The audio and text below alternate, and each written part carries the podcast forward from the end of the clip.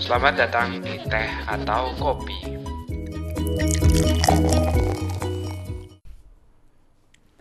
Halo semuanya, balik lagi sama Hillman di sini.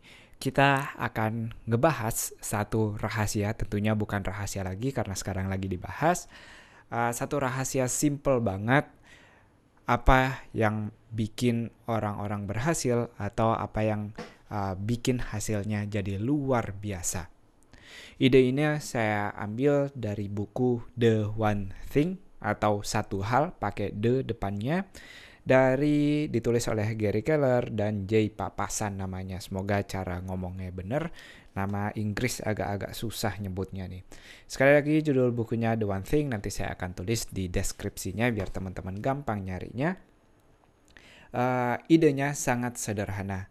Kalau teman-teman mau ngerjain sesuatu apa pun itu, teman-teman harus nentuin satu hal. Betul sekali, bukan tiga hal, bukan dua hal, apalagi tujuh hal, tapi tentuin satu hal. Setelah meraktekin mungkin sekitar satu tahun lalu dari buku ini benar-benar banyak banget hal-hal uh, yang kerasa banget bedanya ketika kita nentuin satu hal dibanding ngerjain banyak hal.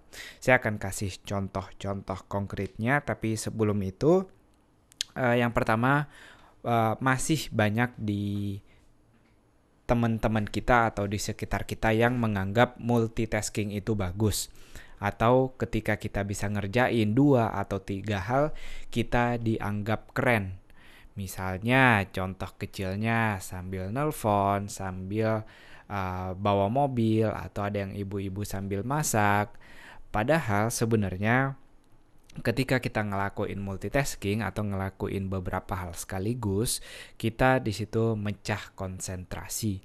Yang alhasil uh, alhasil tegang banget ya, yang akhirnya uh, nggak ada yang kita fokusin salah satunya dan tentu akhirnya lagi nggak akan ada yang hasilnya 100%. Nah, tentu contoh-contoh jeleknya kita udah tahu uh, campaignnya ada di mana-mana, ada di billboard-billboard. Kalau kita nggak boleh nelfon misalnya sambil bawa mobil, nah itu contoh kecilnya tadi kalau kita multitasking.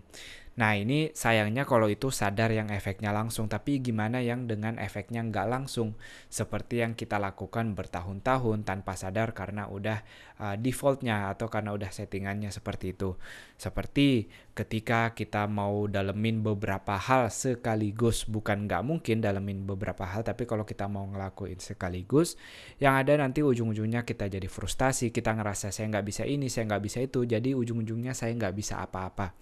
Padahal kesalahannya di situ adalah teman-teman nggak fokus nentuin satu hal yang mana yang mau teman-teman kuasai.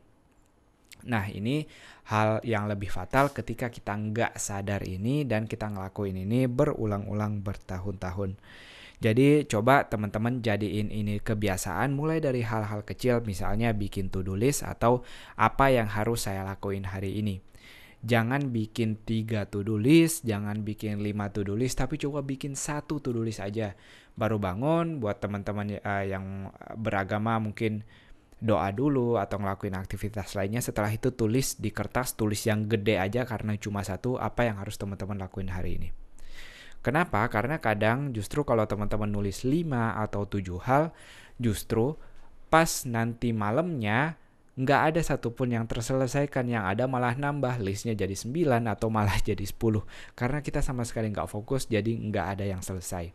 Jadi kalau contoh kecilnya kalau teman-teman mau praktekin prinsip ini tulis di satu kertas apa yang harus saya lakuin hari ini. Nggak perlu diupload di sosial media nggak perlu diceritain ke teman-temannya cukup buat diri sendiri. Dan teman-teman akan lihat di akhir hari itu atau ketika teman-teman mulai besok tugas itu akan selesai. Kenapa? Ketika kita jelas apa yang mau kita kerjain hari ini cuma satu, uh, itu yang mau kita kerjakan, kita uh, eh, 100% tenaga dan pikiran kita di situ, 100% kita akan berusaha buat nyelesain itu.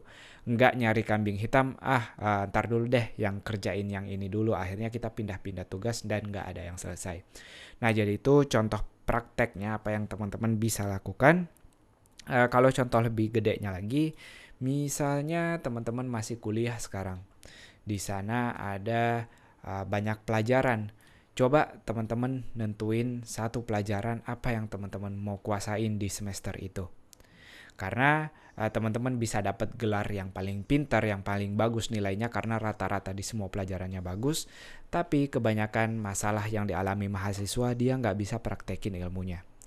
Coba teman-teman pilih sekarang kalau masih kuliah, pilih dari satu semester ini, nggak usah dari seluruh kuliahnya.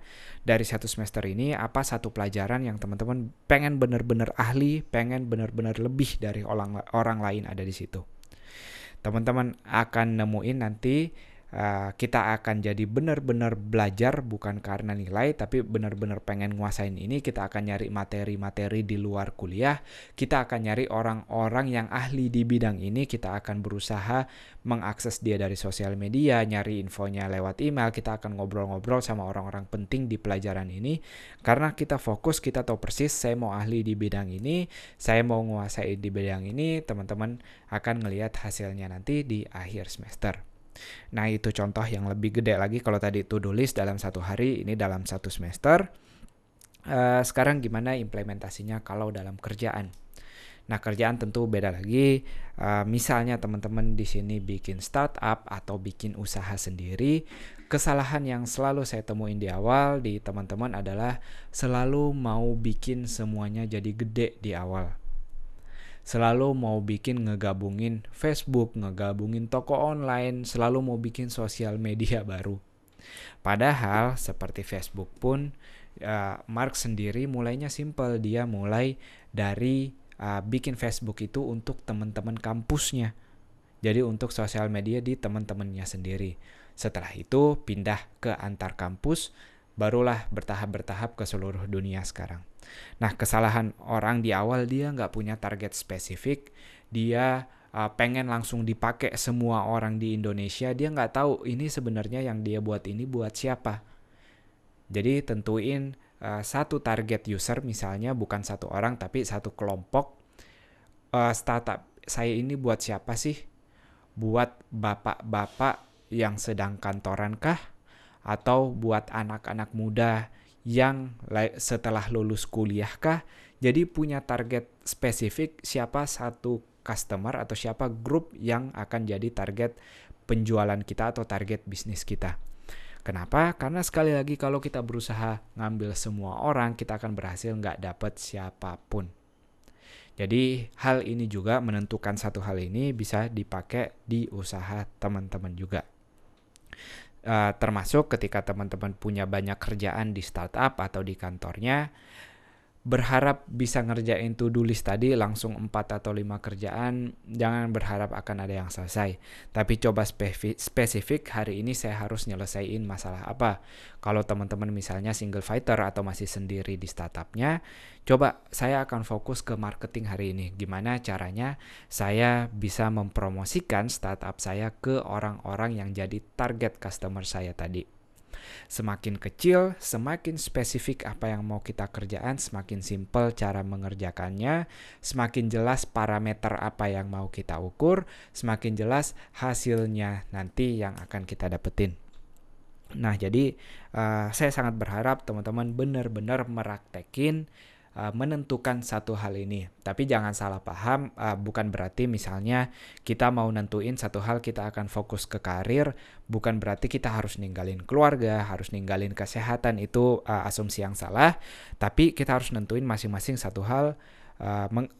Teman-teman ngerasa nggak keluarganya tuh penting atau nggak? Kalau teman-teman ngerasa penting keluarganya, coba pikirin apa satu hal hari ini yang bisa saya lakukan yang bisa bikin keluarga saya lebih senang. Beliin makanan contohnya senyum di depannya, dengerin dia ngobrol, nggak pakai HP, dengerin dia ngobrol, dengerin kakaknya atau ibunya cerita sampai selesai, lalu ngasih respon yang positif. Coba pilih salah satu aktivitas saja, teman-teman akan ngerasa uh, di keluarganya sendiri akan lebih uh, harmonis buat yang udah berkeluarga maksudnya udah punya suami atau istri atau uh, semakin akrab dengan kakaknya, dengan adiknya atau sepupunya mungkin. Jadi hal ini dipraktekin bukan cuma di kerjaan tapi di um, di keluarga atau contohnya kalau di kesehatan simple banget saya akan uh, minum air misalnya minimal 5 gelas atau 6 gelas hari ini. Targetnya itu aja. Atau saya akan olahraga hari ini lari 10 menit. Titik. Nggak pakai nggak usah targetnya oh saya bakal ngejim tiga hari sekali. Gimana? Nggak patah tuh tangan. Coba uh, spesifik kerjain satu sim hal simpel yang kecil.